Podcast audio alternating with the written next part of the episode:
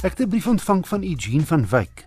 Hy vra: "Het alle elektriese motors soos Tesla, Leaf, Jaguar, Prius ensovoorts dieselfde koneksies om batterye te herlaai of het elkeen maar weer sy eie een? Indien nie, kan dit mos weer probleme veroorsaak by herlaaistasies," skryf hy.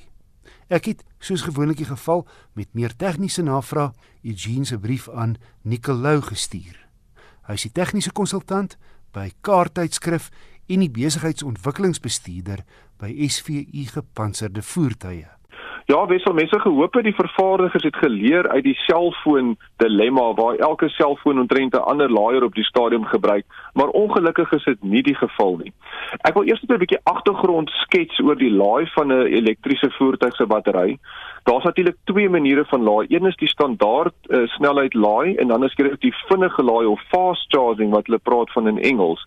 Nou op die standaard spoed van laai gebruik 'n mens dan die die netwerk sien maar by jou huis en dan as hom inprop en jy prop hom in die voertuig in dan jy 'n klein laaier aan boord van die elektriese voertuig wat dan daai wisselstroom kan omskakel in gelykstroom en dan die battery laai teen soos net maar so 3.3 kW.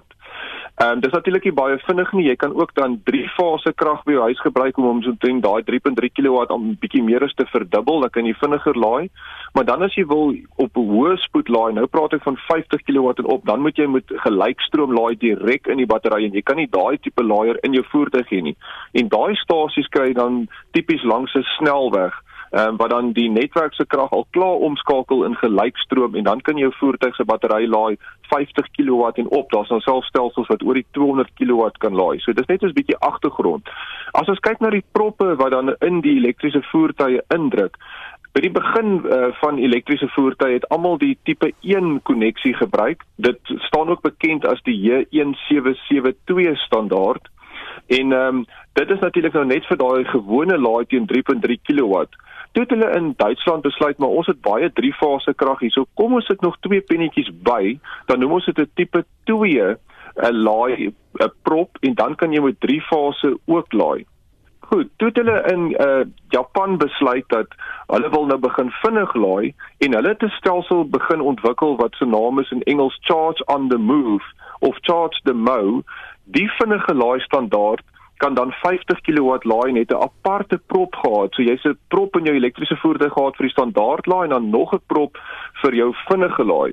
Weereens in Europa het hulle toe gedink, nee nee, hulle wil nie twee proppe hê nie, hulle wil net een prop hê en toe het hulle gewerk aan wat hulle noem die CCS stelsel of combined charging standard waar hulle daai gelykstroom hoë krag laaipunte ook dan in die prop sit. So jy kan dink dit raak nou redelike lywige prop nou met al die pennetjies wat in die binnekant sit.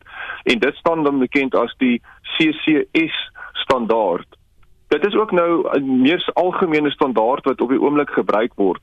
Dan kry mens natuurlik nog vir Tesla en uh, dink bietjie aan Tesla as soos die Apple van fone. Hmm. Hulle het weer eens 'n ander standaard vir hulle vinnige uh, laai metodes wat hulle gebruik. So ongelukkig met 'n Tesla gaan jy net by 'n Tesla 'n uh, vinnige laaier kan inprop. So dit is 'n bietjie van 'n probleem op die stadium en uh, ek het gesien die vervaardigers van hierdie laaistasies het nou al begin om voorsiening te maak vir al hierdie verskillende punte. So dink nou 'n bietjie aan 'n uh, petrolstasie as jy nou gaan brandstof ingooi en daar is nou jou 95, jou 93, jou diesel 50 ppm of 10 ppm of 500 ppm alles uit die een uh, brandstofstasie punt uit.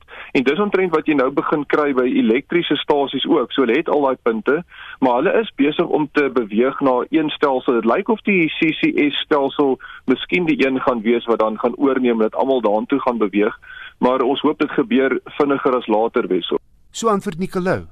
Hy is die tegniese konsultant by Car en die besigheidsontwikkelingsbestuurder by SVU Gepantserde Voertuie.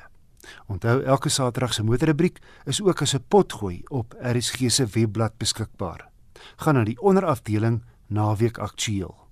Volgende week 'n padtoets van Volvo se S90 sedan, die D5 turbo diesel model.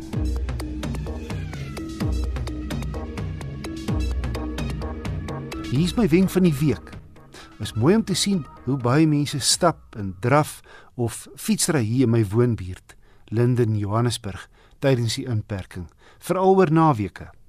Maar ek het ook al gesien dat mense hulself onnodig baie spasie op die pad toe ein. Nou die dag draf 'n vrou en 'n breë man langs mekaar in die pad. 'n Bakkie ry verby en die se kantspieël tref so byna die man se elmboog. Nou weet mens nie of die drawer en die bakkiebestuurder onoplettend of net eenvoudig gesprus was nie. 'n Ander onlangse voorbeeld: twee fietsryers ry geselsend langs mekaar teen so 20 km/h. Dit terwyl voertuie agter hulle opdam omdat daar ook karre van voor af kom. My wenk aan stappers met of sonder honde, drawers en fietsryers is: val in gelid sodra 'n voertuig jou nader. My wenk aan motoriste: probeer so ver moontlik die 1.5 meter verbysteek afstand handhaaf. Indien nie moontlik nie, verminder onmiddellik spoed vir 'n veiliger verbysteek.